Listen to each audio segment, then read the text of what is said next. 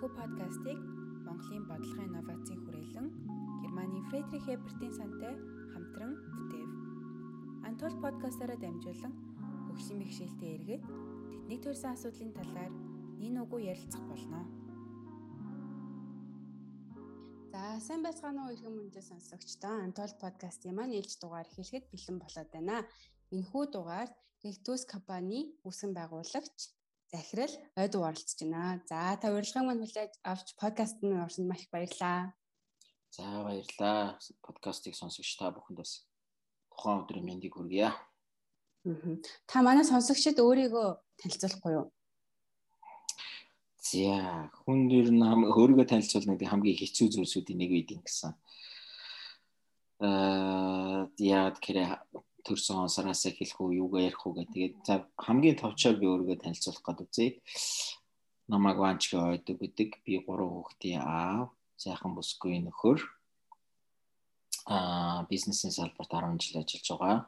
Олон улсын салбарт бас 10 жил ажиллаж байгаа. Одоо өөрийн гэсэн компани байгуулад Rectus гэж асаргаас ойлгон зориулсан бүтээгдэхүүн санаал болгодог компаниг үүсгэн байгуулсан тийм хүн байна. Та компанийн үйл ажиллагааны талаар жоохон дэлгэрэнгүй хүмүүст ярьж өгөхгүй юу? За, компани үйл ажиллагаа бол үндсэндээ нэг гэр бүлд нэг нэг хүнд зориулж байгуулсан компани. Альж гэр бүл, альж хамт олон тодорхой хэмжээгээр ямар нэг бусдаасаа асаргаа шаардах тийм тохиолдолд үүсдэг тэмцээнд ороод өөрийгөө гэмтэх ч юм уу эсвэл харгалтаас ч юм уу эсвэл зүгээр өндөр насны улмаас альва гэр бүл хин нэг нэг асрах тэр цаг үе ирдэг. А тэр тохиолдолд тэр гэр бүл тэр хүнийг асрахын тулд бусад гэр бүлийн гишүүд нь ажлаасаа гарах ч юм уу эсвэл бусад нөхцлөө өөрчлөх энэ төр шаардлага гардаг. А энэ нь өөрөө маш их стресс дагуулдаг эдийн засгийн бөгөөд сэтгэл зүйн бас их дарамтыг үүсгэдэг. А манай компанийн хувьд болохоор тухайн хүнийг асарч явахдаа аль болохоор шин технологиг хэрэглээд аль болохоор технологи хэрэглэж аль альных нь асаргааг хөнгөвчилж өгөх зорилттой тийм үйлчилгээг үзүүлдэг. А энэ нь ямар учиртай вэ гэхээр хүнд асруулна гэдэг өөрөө асруулж байгаа хүний хувьд бас хэцүү байдаг. Хэнийг нэг асарчна гэдэг бас өөрөө асарж байгаа хүний хувьд бас тийм амар биш үе байдаг. Тэгэхээр аль алинд нь тусалж байгаа гэсэн үг. Ингээд нэг гэр бүлд бид тусалснараа улс орондоо улс орноо хөгжүүлэх нэмэрт бас хувь нэмрээ оруулж ийн гэсэн үг. Яг тэгэхээр 3 сая хүн амтай 3 сая хүн амаас чинь тодорхой хувь нь бусдаас асаргаа шаарч гараа нөгөө Монгол улсын төлөө хөдөлмөрлөх боловсон хүчин маань өөрөө багасаа явчихж байгаа. Улсаа хөгжүүлэх гэж байсан хүмүүс маань хайртай нэг асрах хэрэгтэй болдог. Тэгэхээр энэ хоёрын дунд технологи болон зөвлөгөө тэгээд нэн шаардлагатай бүтээгдэхүүнүүдийг санал болгосноор тухайн хүмүүс маань ажиллаа хийх боломжтой болно. Асруулж байгаа хүний ч гэсэн сэтгэл санааны хувьд э, э, өөдрөг байх бололцоотой. Тийм учраас манай компани мото үг нь бол үндсэндээ асарч байгаа болон асруулж байгаа хүн бүртгэсэн. Ийм л товч үйлчилгээ гэсэн үг. А түүнээс хад манай компани орчныг хүртээмжтэй болгож өгөх ажлыг бас хийж өгдөг. Өөрөөр хэлбэл хүмүүс хүртээмжтэй орчин байх ёстой гэдэг хүртээмж гэж яг юу вэ гэдгийг зарим заримдаа тэр бүр ойлгодгоо. Дээр нэмээд хүртээмжтэй орчныг яаж бүрдүүлэх үү гэдгийг ойлгодгоо а гэсэн ирнэ хүсэл бөгөөд санхүүнд байгаа тохиолдолд бид тэрийг нь би илүү хийж өгдөг гэсэн үг. А иймэрхүү ажлууд бол хийж байгаа. Одоогийн байдлаар бол тэгээ цаашаа улам дэлгэрээд бол ерөнхийдөө өөр өөр чиглэлийн салбарлууд. Гэтэ үндсэн салбараас их хазаахгүйгээр явж хөгжүүлж явж байгаа. Танд анх энэ компани байгуулъя гэсэн санаа юу нь яаж орж ирсэн бэ? Аа, ер нь бол сэтэл бол юунаас үүдэлтэй вэ гэхээр би өөрөө бусдад туслахын тулд би өөрөө хүчтэй байх ёстой. А өөрөө хүчтэй гэдэг чинь нэн төрөний бас нэг их хэцүүтэй зүйлсийн нэг болох санхүүгийн эрхчлөөнд хүрэх ёстой. А санхүүгийн тодорхой хэмжээний эрхчлөөнд хүрнэ гэдэг маань одоогийн нийгэмд бол ерөөсөө бизнес хийхээс өөр бололцоо бол байхгүй тийм ээ. Тэгэхээр бизнесээ хийгээд а тэгсэн ирнэ бусдад туслах тэр үйл ажиллагаагаа хийхин тулд би гарцаагүй бизнес хийх шаардлагатай болсон а бизнес хийхэд хамгийн мэдээч суур зүйлсүүдийн нэг бол чиний өөрөө чинь бас тодорхой хэмжээгээр чаддаг энэ салбараа мэддэг зүйл байх хэрэгтэй. Би 17 наснаас хойш яг энэ Монголын бүх аймагуудаар явж хөгжлийн бэрхшээлт иргэдийн а анхны тоног төхөөрөмж хэрэгслүүдийг Америкаас авчирч үнгүү тарааж өгч ирсэн. Тэр маань нэг туршлага болсон. Хоёр дахь юм бол би өөрөө олон улсын харилцааны чиглэлээр мөн тэр дундаа олон улсын бизнесийн чиглэлээр боловсрол эзэмсэн учраас ерөнхийдөө яаж энэ бизнесийг яаж Монголд хийж болох вэ гэдэг хоёр урсгалыг нэгтгэхийг зорьсон. А энэ үднээсээ яг Rectus гэдэг компаниг Монголд ирснийхээ дараагаар байгуулж ирсэн. Эхний ээлжинд бол мэдээж тодорхой хэмжээний бэрхшээлүүд байсан. Яагаад гэхээр хүмүүс яг миний хийх гээд байгаа бол хийгээд байгаа зүйлийг тэр бүр ойлгохгүй, үзээгүй, хараагүй байсан. Тийм учраас нийт төрөүний хийх ажил бол үйлчлүүлэгчтэй тэр хийх гээд байгаа зүйлийн талаар мэдээлэл өгөх, боловсрох, боловсруулах, боловсролыг нь олгож өгөх тэр ажил нэлээд хийх шаардлагатай болчихсон. Тухайн үедээ тэгээ яаж тэр одоо үйлчлүүлэгчтэй одоо боловсролыг өгч явж исэн бэ? өөрийн биеэр үлгэрлэн үзүүлэх За тэгээд тэрнтэй холбоотой мэдээллүүдийг өгөх, текстүүдийг орчуулж өгөх, гаргах. Тэгээд ингэж болтой ингэж ингээд тэгээд хамгийн гол юм бол яг дэлгүүрээ байгуулсны дараа ирж байгаа үйлчлүүлэгч бүртээгээ яг тулж харьцах. Одоо за эхлээд надад ийм юм юм байна гэж ярихаасаа илүү эхлээд за танд ямар асуудал байна? Ямар нөхцлөөс яагаад над дээр ирэх болов? Би танд юугаар тусалж чадах уу? Надад ямар бололцоо байна гэдэг асуултуудыг болохоор аль аль талтай ашигтай байдлаар тайлбарлахыг хичээдэг гэсэн. Тэгээ жишээ нь гэд тэрэгэнцэр авъя гэж хүн хүрээд ирнэ. Тэрэгэнцэр авъя гэхээр за яагаад та тэрэгэнцэр авахар бол болов. Нөгөө хүмүүс ч юм болохоор зүгээр л нэг сайхан тэрэгэнцэр авъя гэдэг. Гэтэл тэрэгэнцэрийн зарим тохиолдолд лифтэнд нь багтахгүй байх шаардлагатай. А тэрэгэнцэр гэдгийг өөрөө сайн гүйцэд ойлгоогүй тэрэгэнцэр том байгааз дотор суугаад явж ивэл болоо гэж боддог. Тэгтэл тэрэгэнцэр чи өөрөө хэтэрхий том байгаа тохиолдолд тухайн хүний нуруунд гэмтэл учруулах, хүн тэнд дотор аюултай байдал байх гих мэд аюулууд байдаг. Түүний оронд жишээ та ийм тэрэгэн зэрэг авбал та гэрч дотроо усан борж болно, дээр нэмээ танд аюулгүй авсаархан аваа явахад эвтэйхэн гих мэт ингээд зөвлөгөөнүүд өөрийнхөө зүгээс зөвлөгөөнүүдийг маш их өгнө. Маш их тэр хүний оронд өөрийгөө тавьж үзнэ. Тэгээд аль болохоор түнд туслах арга хэмжээ авах тухайн үедээ юм зарахгүй байж болно. Ямар ч юм борлуулалт хийхгүй байж болно. Гэхдээ хамгийн гол нь тэр хүний асуудлыг шийдвэрлэж явах нь чухал. Та тухайн үед болохоор яг уу магадгүй үйлчлүүлэгч нар нь жоо ойлголт муутагаас одоо саад бэрхшээл үүсэж исэн юм байна. Тэрнээс өөр бас өөр саад бэрхшээлүүд юу үүсэж исэн бэ?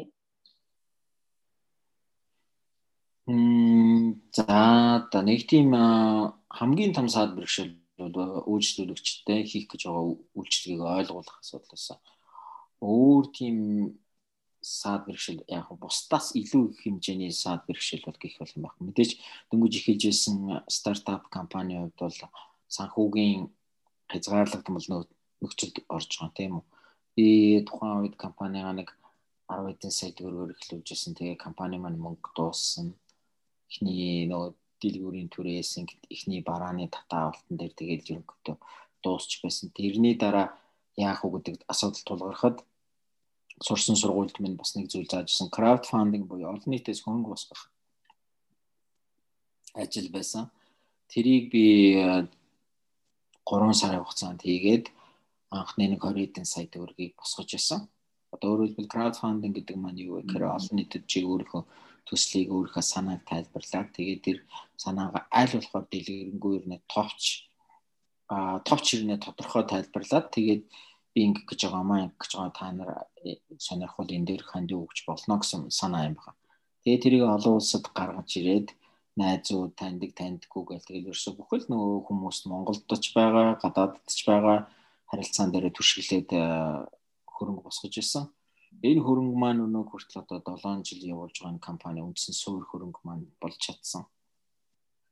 Тэгээд одоо компани маань өргөжөөл хөгжөөл явж байгаа байдал маань энэ Тэн шиг одоо ийм амжилттай стартап байгуулад явж байгаа хөгжлийн бэрхшээлтэй гэж өрнөхөр олон байдаг вэ? Би байдаг байх гэж итгэж байна. Аа Гэхдээ яг тийм бизнес салбар руу ороод хөгжлийн бэрхшээлтэй хүмүүс явж байгаа залуучууд бол их тийм бас их олон биш яг шударгаар хэлэхэд бол. За төрийн бус байгууллагын салбарт бол нэлээд амжилттай явцгааж байгаа залуучууд бий. Аа яг бизнесийн салбарт бол их цөөхөн баха. Ингээ цөөхөн байгаагийн ерөн шалтгаан нь ер нь таны бодлоор юу байдаг вэ? Төө цөөхөн байгаагийн хамгийн гол шалтгаануудын нэг бол харамсалтай хөгжлийн бэрхшээлтэй хүүхдүүд маань өөрөө тэр болгон цэцэрлэг яашил боловсрол эзэмших бололцоо маш их багтай. Боловсрол эзэмшээгүй байгаа тохиолдолд хүүхдүүд хөдөлмөрийн зах зээл дээр өрсөлдөх чадвар багтай. А өрсөлдөх чадвар багтай гэдэг чинь өөрөө бизнес хийх мэдээс өөр байхгүй гэсэн үг шүү дээ тийм ээ. Одоо бодоод үзье би өмнө говь аймагт 1-р 10 жилиг төгссөн. Тухайн үед одоо 2000 гаруй хүүхэд сургуулийг төгсөж байгаа наачиг хөгжлийн бэрхшээлтэй хүүхднийг л байсан. А гэтэл хөгжлийн бэрхшээлтэй үеийн одоо надтай нас чицүү хүүхдүүд бол олон байсан. Яг сургуулаа төгсөн бол наач байсан.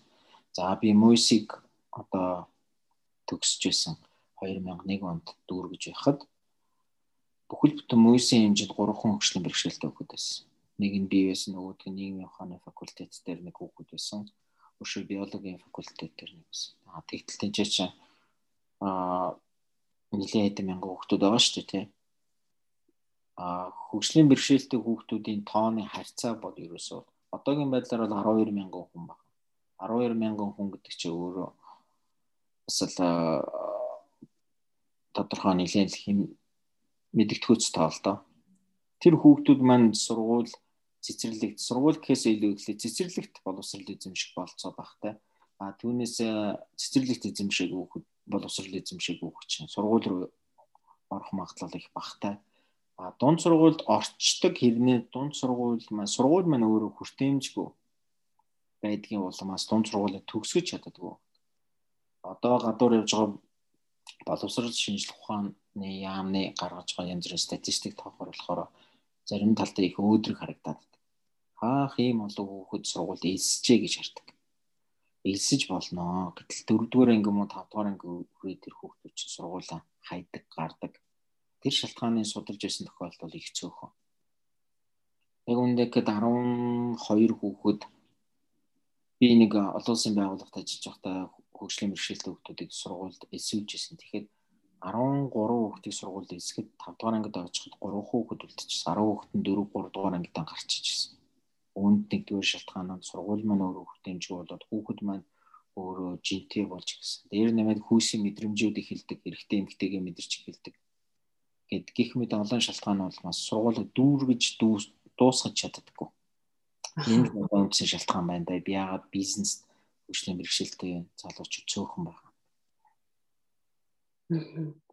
Тэгвэл энэ нь одоо ингээд одоо үндсэн гэх юм бол баг боловсрлоос л боловсролыг авч чадаагүй угаас болоод цаашлаад бизнес эрхлэлтэнд нөлөөлж гин гэж таалгаар харж байгаа юм. Тэгэд ерөнхийдөө боловсрал гиснээс танд би таныг болохоор Швейцар сургууль магистраа төгсснийг нь мэдэн. Тэгээд та яаж нь энэ олон сургуулиудыг төгсгөөж одоо ингээд сургуульдаа сураад аймагт сургуулаад 10 жилээ төгсөөд Моист ороод Швейцар яваад ингээд та тэр талаараа жоохон ярьж өгөхгүй юу?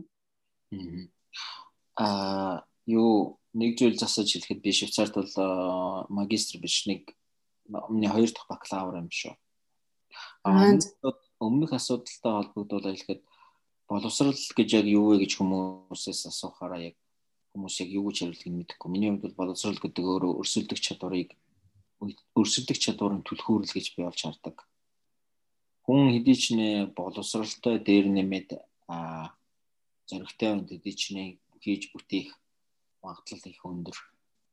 А боловсрал мэдээж баг бах тусам бизнес хийгээд бизнес бол мэдээж хамгийн дэлхийд ирэх хэрэгтэй хамгийн мундаг зүйл бол биш л дээ. Гэхдээ л тгээ явна гэдэг чинь өөрөө өөрийгөө сорих бас нэг үндэс байдаг. Тийм учраас боловсрал бол юм болгоны үндэс болчиход байна. Боловсрал өөрөө бас ядуурлаас гарах бас нэг маш том түлхүүр болчиход Аа би яаж энэ боловсралд хүрэх боломжтой байсан бэ гэхээр би бага наснаасаа хойш эмнэлэгт маш их эмчлүүлэх шаардлага болж исэн. Би им ахуудын шаардлага улмаас тэгээ бага байхдаа би Орос руу явж Оросод 6 жил эмчилгээ хийлгэж авсан. Тэгэхдээ би Оросд баг сургуулаа төгсөөд Монголд ирээд дунд сургуулаа Монголд төгсөөд тэгж явахдаа би мөс олон улсын харилцаанд аа эсэлтгөө орох эрх олж авсан. Аа тэгээд төгснөхийн дараагаар би 10 жил хөдөлмөр эрхэлсэн бидээ ажил хийсэн. Тэгэхдээ 5 жил бизнесийн салбар 5 жил олон улсын байгууллагт. Тэгээ 10 жилийн ингээ болсон болсныхаа дараагаар нөгөө үнэхээр миний сурсан мэдсэн зүйл маань цаг хугацаанаас хоцорч байна гэдгийг нэгдүгээр ойлгосон. Хоёр дахь юм бол миний цаашдын бодож явсан төлөвлөгөөнд гарцаагүй нэг зүйл дутагдаад байсан юу гэхээр би бизнесийг сонирхолтой байсан боловч бизнес гэдгийг талаар мэдлэг их багтай, суур ухагдсан багтай. Аа тэгээд ерөнхийдөө яг өөрөө тэр бизнес гэдгийг мэддэггүй байсан. Тийм учраас би өөрөө бизнесийн ухаан сурах шаардлагатай байна гэд. Тэгээд тэтгэлэг хөтөлбөрийн давуу Швейцарт бизнесийн олон улсын бизнес удирдлагаар суралцж ирсэн.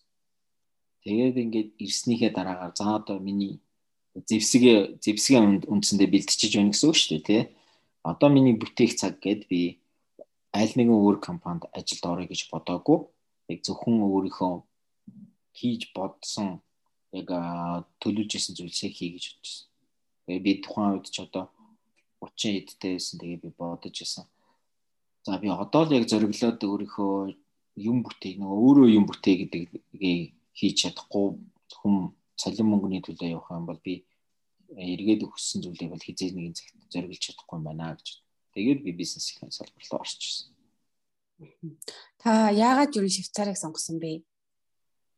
Швейцарыг сонгох хэд хэдэн том шалтгаан байсан юм. Нэгдүгээрт би тэр 17 настай байхдаа тэр Америкчуудтай хамтран ажиллаж байгаад би бас нэг олон улсын төрийн бас байгууллага байгуулсан. Монгол Монгол Америк хамтарсан.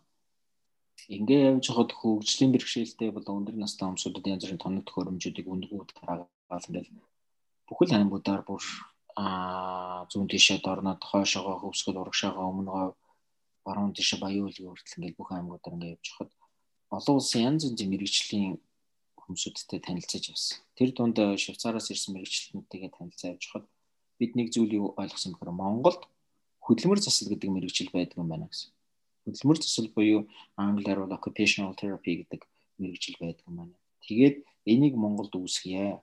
Энэ байхгүй бол маш олон хүмүүсүүд хохирж үлдэх юм байна гэдэг тэр төслийг 2000 3 билүү 4 оноос хойш хэрэгжүүлээд явсан.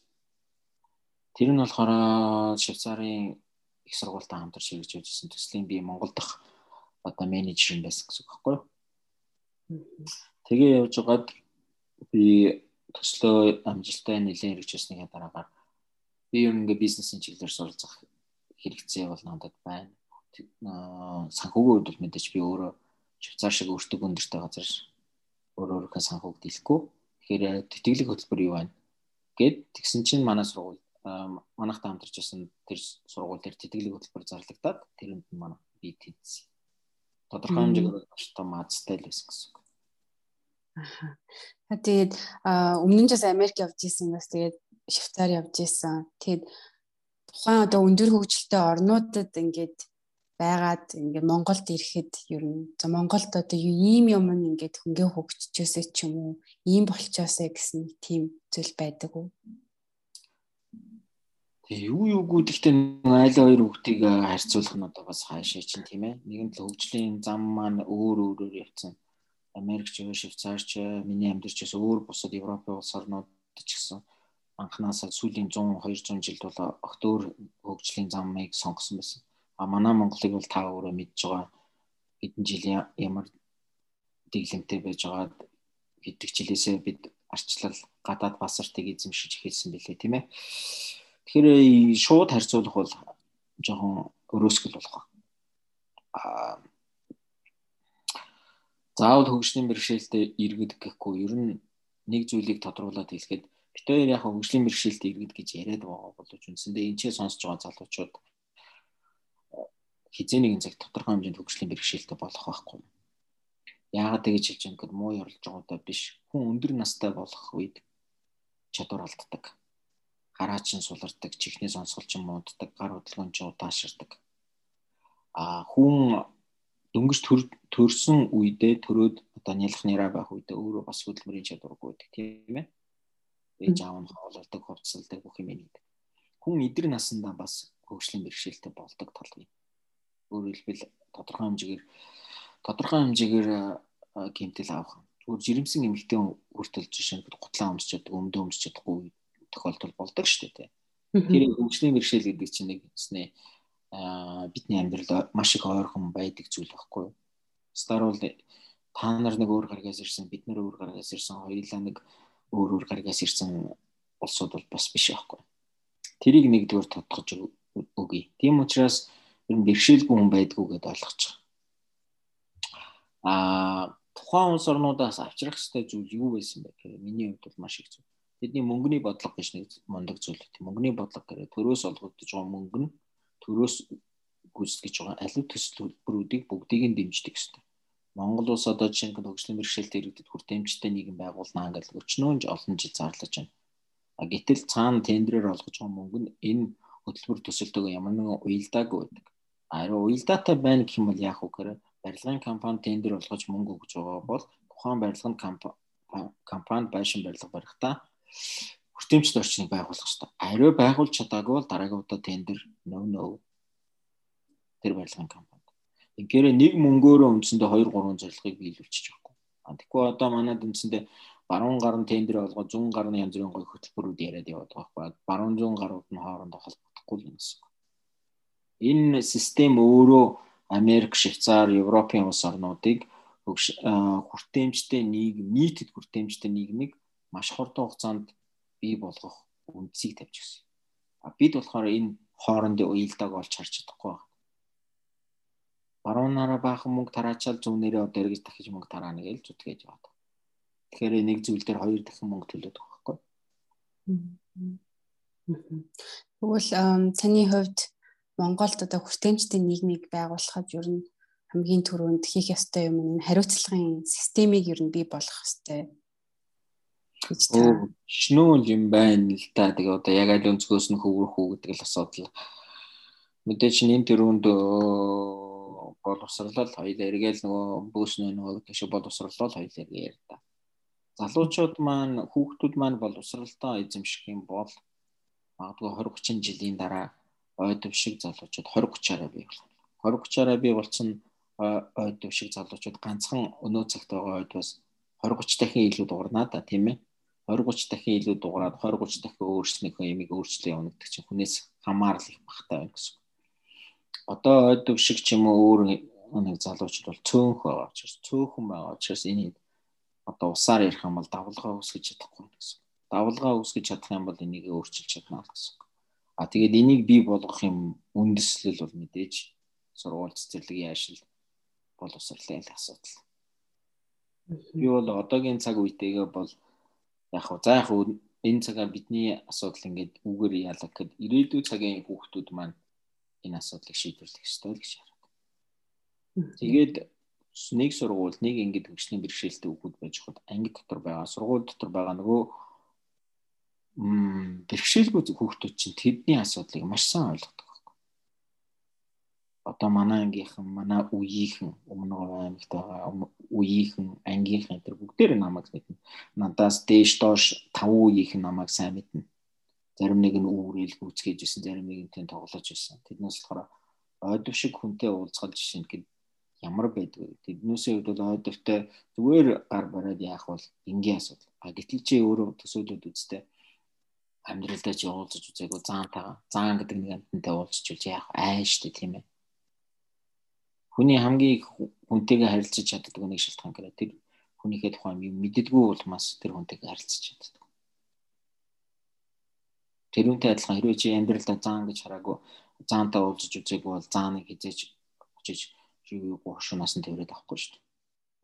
Сүүлийн үе жилүүдэд тэгш хамруулах боловсрлыг их яриад одоо хэрэгжүүлж эхэлж байгаа шүү дээ. Тэгээд энэ ер нь таны хэлээд байгаа шийдэл гэж та харж уу? Тэгээд хичнээн одоо ингээд тэг шамруулна гэж ярьж байгаа ч гэсэн яг хэрэгжилт нь ер нь таны бодлоор одоогийн байдлаар хэр хэр байгаа вэ? Одоогийн хэрэгтэй юу хэрэгтэй. Гэхдээ хэд туйлширч яах гэх юм бол бас нэг туйлшрал явж байгаа. Яа жишээ нь гээд тэг шамруулна гээд бүх хүүхдүүдийг тэг шамруулах боловсролд хамруулах хэрэгтэй гэж яваад. Эцсийн үр дүнд боловсролын нэг хамгийн том зорилго бол тэр хүн хүүхэд өөрөө өөртөө үйлчлээд өөрөө өөрийгөө санхүүжүүлэх чадварыг л олгох асуудал шүү дээ тийм ээ. Тэгтэл э, оюун ухааны хувьд магадгүй хизээч дөрөв оронтой тооноос дээш бодож чадахгүй гэдгийг заашгүй тэг шамруулах амруулнаа гэд ингээд жигдгэн зүтгүүлээд байх бас нөгөө талаас асуудал. Тийм тохиолдолд магадгүй тэр хүүхдийг тодорхой хэмжээний үйлдвэрт ажиллах чадварыг эзэмшүүлээд тэр үйлдвэрээс гарч байгаа орлогоор нь тэр хүүхд өөрөө өөрийгөө амжирхаагаа авч явах тэр болцоо үүсдэг ч юм уу тий. Гих мэд байгаа аа тийм бас их ялгаа байгаа шүү. Тийм учраас тэр хүүхдүүдэд заримдаа тусгай сургууль гэж байгаа. Аа заримд нь бас боловсруулаад боловсролын оронд арай өөр зүйл заах шаардлага бол байгаа гэх мэт ингээд ойлголт. Зарчмын үед бол тэг шамруулах боловсрол бол Монгол улсад хөгжих ёстой, зайлшгүй байх ёстой. Энэ өөрөө маш их чухал зүйл. За хэрэгжиж байгаа явцын үед бол нэг юм гэдэг байна тэг шамруулах боловсрол карьер хөдөө хэдэн багш нарын албал баад байгаа хэдэн багш нарын аль байнга сургалтанд хамруулаад ингээл ээлжлэл яваад. Болно багш нар чинь бэлтгэгдсэн байж болно. Эцэг эхүүд бэлтгэгдсэн байж болно. Гэтэл тэр сургуулийг хэн өөрчилж байгаа? Сургуультай тэрэгцэртэй очиг гэгээ сургууль руу орч чадахгүй. Дээд 5 дугаар ангиас мөн 6 дугаар ангиас дээш бүх ангиуд чинь дандаа 2 юм уу 3 давхартай хичээл орж байгаа тийм ээ коридор нэг саадтай даваа шиг юмнууд байдаг. Аа за хичээлд орлоо бизнесх боломж байхгүй нь бол. Тэр сур боловсрол эзэмшгэд миний хувьд бол хөгжлийн бэрхшээлтэй нэг дөрвөн хүчин зүйлс байдаг. Хоёр зөөлөн хүчин зүйлс байдаг. Нэг нь болохоор хоёр зөөлний нэг нь болохоор багш нар, хоёр дахь нь болохоор эцэг эхчүүд. Хоёр хатуу гэж байдаг. Хоёр хатуугийнх нь нэг нь болохоор сургуулийн гаднах дэд бүтэц, хоёр дахь хатуу нь болохоор сургууль доторх дэд бүтэц сургуулийн гаднах дэд бүтэц гэдэг нь сургууль руу хүрэх нийтийн тээврийг асуудлыг яриад гаднах паркинг зогсоолыг ярьж байгаа. А сургууль доторх дэд бүтэц гэдэг нь сургуулийн дотоод орчны хүртээмжийг яриад байгаа. Одоо бид яагаад мянга гой лоозон яриад байгаа нэг бүтэхгүй яваад байна гэхээр бид зөөлөнтөг бол ноцолдод байгаа байхгүй юу? Хатуу нь ерөөсөө өөрчлөгдөхгүй. Хатуугаа өөрчилж чадаагүй тохиолдолд бид зөөлнийг мянга зүлгээ зүлгээд мяндас шиг болгосон ч гэсэн тэр маань хизээч хизээч утсаан зүүн дагддаг үстэй тийм ээ зүүн утсаан дагуулж авдаг дээ. Хатуун зүйл зүйлнийгээ дагуулж авах хэвээр нөхцөл үүсчихэд байгаа байхгүй. Тэгтэл энийг ойлгохгүй болчиход. Гэтэ уул нь бол тийм нөгөө барилга байгууламжийн хүртээмжтэй байдал нь тийм стандарт гэж одоо Монголд байдаг дээ. Тэгээд тэр байдаг хэрнээ яагаад энэ одоо баригдаж байгаа барилга байгууламжийн хүртээмжтэй байдал нь юу сайжрахгүй байгаа юм бэ би надад асуулт чи өөрөөс өдөр болго асууд яагаад яагаад гэхээр хүмүүс нэгдүгээр тэрийг ойлгохгүй байна ухамсарлахгүй байна хамгийн гол нь энийг хүнд хэрэгцээтэй гэдгийг ойлгохгүй шүү. Бизнесүүдэд лаг лаг том том моолууд супермаркетуудыг барайл. Гэхдээ тэд хизээч а Монгол улсад байгаа 120 мянган хөгжлийн бэрхшээлтэй хүмүүсүүдэд үйлчлүүлнэ үйлчлэн гэж бододгоо. Тэр ч байдгаа хүүхдэд төрсэн ээжүүдийг ээжүүдэд ч үйлчлэн гэж тооцдоггүй.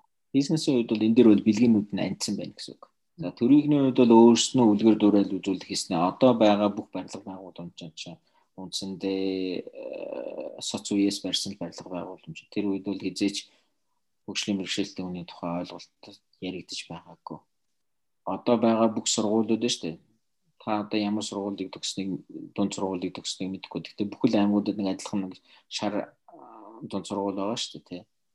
10 жилгээд тэр өөрөө ямар хүртээмжтэй вэ бүгдээрээ мэдцгээж байгаа, тий сургууль барихтаа хийж тэрийгэ тооцлоо.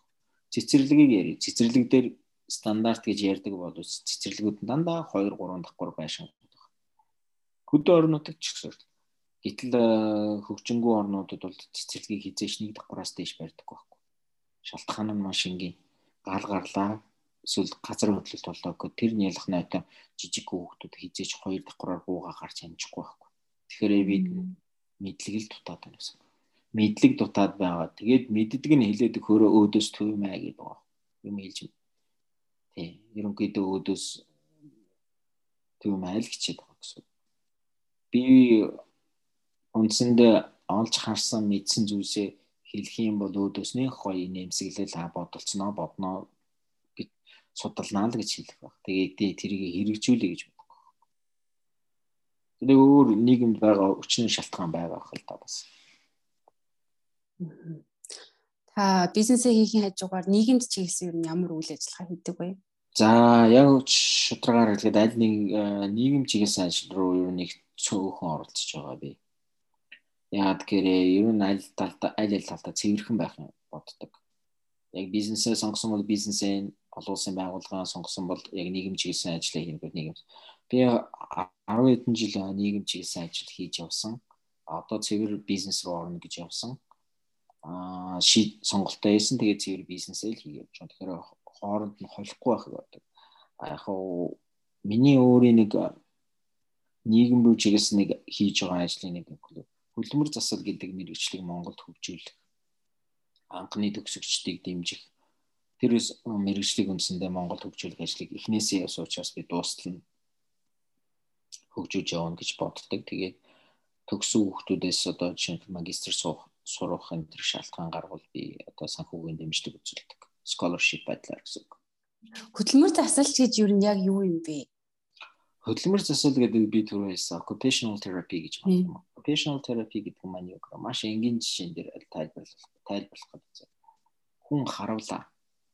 Харуулхаана тодорхой чадваруудаа алддаг. Хамгийн энгийн нь өмдөө татхаас гулаад үдээс үдэх өмднийхөө товчийг тайлах тэлээг цахилгаан амбахын чадварууд алддаг харуулсны дараа эхлээд нэгдүгээрт амин аварчин. За амин аварчлаа. Амин аварсныхаа дараа хөл гар нь жоохон татан болсон тохиолдолд хөдөлгөөн засалчид орж ирээд хөл гарынх нь хэвийн үйл ажиллагаанд энгийн болгож өгдөг. Тэгэл эндгээс гаргацдаг байхгүй. Гэхдээ тэр хүнд эргээд нөгөө нэг өмдөө яаж өмсгүү, гутлаа яаж өмсгүү, бичгийн бичгийн хүн байсан бол эргэж яаж бичихүү тэр чадваруудыг нь эргээд олгож өгдөг байхгүй. Тэгэхээр тэр хүн эрүүл байна эрүүлч гэжтэй одоо яг хүнд амьд байна. А гэхдээ нөгөө урд нь хийжсэн тэр чадвараа эргээд нөхөж авч чаддаггүй. А хөдөлмөр засалжууд болохоор яг тэр чадварыг нь эргэж олгодог, ариу олгох боломжгүй бол өөр чадварыг нь суулгаж өгдөг гэсэн үг байхгүй. Тэгээд тэр хүнийг эргээд одоо дайны фронт байлаа гэд эргээд игнэн дайны одоо хөдөлмөрийн зах зээл дээр эргэж гаргаж өгдөг хүмүүс байдаг Манай Монголд болохоор яг үгээр би түр байсан. Амийн авралаа гар хөлийн нэг за нэг хэв зэрэгтэй нэг ажил ажиллагаатай болгож өглөө тэгээ сүп эмнэлгээс гаргацдаг. Тэгээд эргээд нөгөө хүмүүс маань үйлрүүл амьд байгаа болохоос биш бусдаар бол яг хийжсэн чадвараа эргээд олж чадаагүй байдаг. Би энэ мэрэгчлийг үүсгэх гэж одоо 2000 хэд оноос гээд түрүү хэлжсэн 3 3 оноос хойш явж байгаа. Тэгээд энэ жил жишээ нь гээд дөрөвт өдөн 3 дахь төгсөлт нь гарч байгаа. Тэр миний одоо нийгэмдээ хийж чадаж байгаагийн нийгэмдээ зориулж хийж байгаа хамгийн нэг том ажлын маань нэг бол энэ хөдөлмөр заслын ангийг байгуулж гисэн. Аа юун дээр анагаахын шинжилгээ ухаан дээр сургууль дээр. Тэгэхээр энэ чиглэлээр суралцах залуучууд энийг сонсож байгаа бол бас сонголт бол байгаа. Энэ бол юу вэ гэхээр 21-р зууны мэрэгжлийн тоонд ордог зүйл юм байна. Хөдөлмөр заслын мэрэгжил. Маш их цалин юуны хувьд бол маш их бололцоотой байдаг. Дээр нь хамгийн гол нь зах зээл өөрөө маш том. Хаанч дээр хөдөлмөр заслыг хэрэглэдэг. Бүх анагаахын салбарт хэрэглэхээс гадна бизнесийн салбарт хэрэглэдэг гэсэн. Маш их тийм өргөн цар хүрээг авдаг мэрэгжил. Энийг сонсож байгаа залуучууд байх юм бол сургуулийн сургуулийн одоо юун дээр 3 дугаар сургууль биш 3 дугаар эмнэлгийн хажууддаг сувилхын сургууль дээр яг хөдөлмөр заслын бакалавр чиглэлээр 4 жилээр сурч бэлтгэдэг байгаа. Энийг бас сонсож сонирхож байгаа залуучууд тийш орж бас үзэж болно ш. Аа яг үнийг хэлээд энэ талаар анх удаа сонсож байна. Таныг анх энэ талаар ингэ ярихад хүмүүс юу яаж хүлээж авч ирсэн бэ? Мэдээч ер нь Одоо би өөрт чинь ингээгүй гэнтхэн Марс гариг дээр алмаз үүдэг штэ гэж яриад байдагтай л адилхан штэ. Таны хувьд хэр ойлгомжтой сонсогдож байна. Марс гаригаа мэдгүй те. Алмаз нь ямар байдгийг мэдгүй те. Тэгэхээр таны хувьд бол мэдээж ойлгох гээд э, хол байгаа өгдөх юм. А олон залуучуудын хувьд ч гэсэн энэ бас их хол байдаг өгдөх юм. Тэгтээ ойлгож болдог зүйл. Миний хувьд бол хүний ойлгож чадаагүй зүйлийг ойлгуулсан гэдэг өөрөө том сорилт. Тэгээ миний хувьд их сонирхолтой сорилт санагддаг хүний ойлгоцсон юмыг дахин дахин хэлж өгөх бол миний хувьд бол уйтгартай санагдав. Тэгэхээр би заавал гоё шин юм хийгээ тэр хүнээс бодол санаанд өөрчлөгдтөл тийм зүйл хийх юмсан гэж. Одоо миний хувийн амбиц бол тэр. Таны цаашдын хүсэл мөрөөдөл хитийн төлөвлөгөө бас юу байгаа вэ? Одоо тэгээд их өмнөхөөсөө илүү учиргүй өөр юм бол байхгүй. Яг л энэ чиглэлээр өмнөх хийж байсан ажлуудыг аль болохоор өргөсгөх, аль болохоор олон хүргэх тэр ажлуудыг л хийх бодолтой байна. Би одоо хүртээмжтэй амны орон сууц а эрчим хүчний хэмнэлтэй амны орон сууц гэсэн хоёр концепцийг нийлүүлсэн байшин барьж байгаа. Энэ байшингаа би загвар байшин болгож байгаа. Энэ загвар байшингаа би монголчуудад болохоор өргөн хэмжээнд ойлгуулах бодолтой байна. Яагаад гэхээр нэг байшин авчаад тэрийг гимдэг гимцсэн тохиолдолд өөрчлөхний хэрэг гарна. Үгүй бол хөгшөрсөн оноо тэр байшингаа өөрчлөхний хэрэгтэй байна. Тэгэхгүй эхнээсээ зөв дизайнтай чиглэлээр альва зүйлийг барьчих юм бол тэр байшин 16 биш 20-т хос гэр бүлүүдэж хамтдаа амьдарч болно. 50 60 та өндөр наснууд ч тэр байшинд амьдарч болно. А нөгөө талаар өөр нэг концепц нь бол эрчим хүчний хэмнэлт. Эрчим хүчний хэмнэлтэд байшин би яагаад барьж явж байгааг гэнэ. Хүмүүс хүндийн ээлтэй нийгэм байя гэж яриад. Би бол тэрний эсрэг гэдэг. Хүн өөрөө нэг тийм чухал биш ээ. Энэ байгальдаа нэг байгальдаа ээлтэй нийгэм байя. Яагаад гэхээр байгалийн чинь нэг бүрэлдэхүүн дээр тэр хүн байхгүй. Бусдаар хүнийг дахин шүтгэх нь өөрөө энэ байгальгаа устгаж байгаа нэг зүйл. Байгаль өөрөө хүний хүрээсэн нэг том зүйл байтал бид өөрөө хүрээс орчныгоо устгаад байгаа. Үүний нэг том шалтгаан нь бол мэдээж нөгөө хүчил төрөв нүүрс хүчлийн асуудал яригдэж байна. Тэр нэмээд эрчим хүчний асуудал яригдэж байна гадуур байшингууд өвлийн алаалтанда 300-аас 500 мянгаыг төлж явахад би 20-оос 30 мянга төлдөг сард төлдөг тийм байшин барих гэж зорж байгаа. Нууцшил яаж тэгэж барьж байгаа юм та? Одоо яг одоо би ингээ ярьж байгаа цагт энэ цагт би байшингаа барьж. Ирэх удахгүй удахгүй байшингийнхаа талаар танилцуулгуудыг яав. Тэр үед намайг дахиж подкастт аваарай. Зөв зөвхөн байшингийнхаа тухай ярьцгаа. За. Тэгье. Амлсан шээ та би ч яг амлсан та бас амлах хэрэгтэй. Аа манай подкаст болохоор цаашдаа влог бас хийх төлөвлөгөөтэй байгаа. Тэгээд влогон дээрээ таныг урьж оролцуулж болох уу энэ талаар нь. Оо болно. Надад бол одоо юу л вэ ярих л зүйл байна. Ярьсан зүйлээ гэхдээ зөвхөн яриа суух биш ярьсныгаа хийдэг байх хэрэгтэй л дээ. Хийгээгүй ярьдаг хүмүүс ч одоо бас их л байна л та. А манай подкастын ерөн цаг өндөрлөх төгч чинь тэгээ танаас сүүлийн асуултаа асууя. А энэ болохоор ковидтэй холбоотой асуулт байгаа. Тэгээд ковид цар тахал та болон таны бизнес ч юу хэрхэн нөлөөлж байна вэ? Бусдын адил хэмжээнд нөлөөлж байна. Ерөнхийдөө үйлчлүүлэгчдийн тоо хязгаарлагдмал болж байна. Татаа авалт нийлүүлэлт бизнесийн процессыг гүйцэтгэхэд их хүндрэлтэй болж байна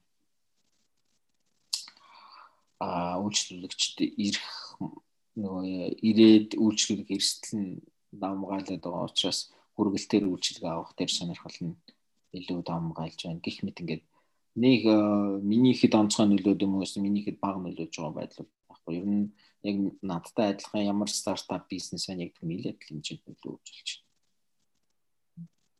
Та болон таны гэр бүл их нөлөөлж байгаа юм. Гүү яг тэгэл нөгөө хүүхдүүдийг маань одоо найзуудтайгаа тэр болгон гарч уулзах бололцоог нь багасгаж өгч байна. Хязгаарлаж байна, тийм ээ. Тэгээд би ч гэсэн хүн амьтантай уулзах мэдээж тоо толгоогоо багасгаж байна гэсэн үг шүү дээ, тийм. Ерөнхийдөө контактуудыг л болохоор одоо онлайнаар хийгээл явж байна. Тэгээд онлайнаар хийсээр өтер сүлдээ онлайн хийхээс залхаж эхэлж байна. Дэрийг царахаас. Амьд хүнтэй уулзмаар байна шүү дээ бас. Би ч бас. Мм. Тиймэрхүү л нөлөөтэй байна дөө. Ер нь бол нэг бусдаас илүү юм алга, бусдаас дутууч юм алга яг бусдын жишгээр явж. За, ийхүү цаг цаг гарган манай подкастт орсон ойд байхдаа маш их баярлалаа. Тэгээ цаашдынхаа ажил хөдөлмөрт нь амжилт хүсээд ирүүлэхийг хүсье. За, подкастын хост болон подкастыг сонсож байгаа залуучууд бүгдэнд нь бас амжилт гэж илүү амжилт ч өөрөө бас төлбөртэй байдаг тийм учраас яг зүгээр өөрт нь огцон өмнөх зүйлсийгээл амжилттай хийгээсэй л гэж үсэн. Гэхдээ хэтэрхий амжилтын төлөө бас хэтэрхий бити зүтгээрэй л гэж хэлээ. За баярлалаа танд. За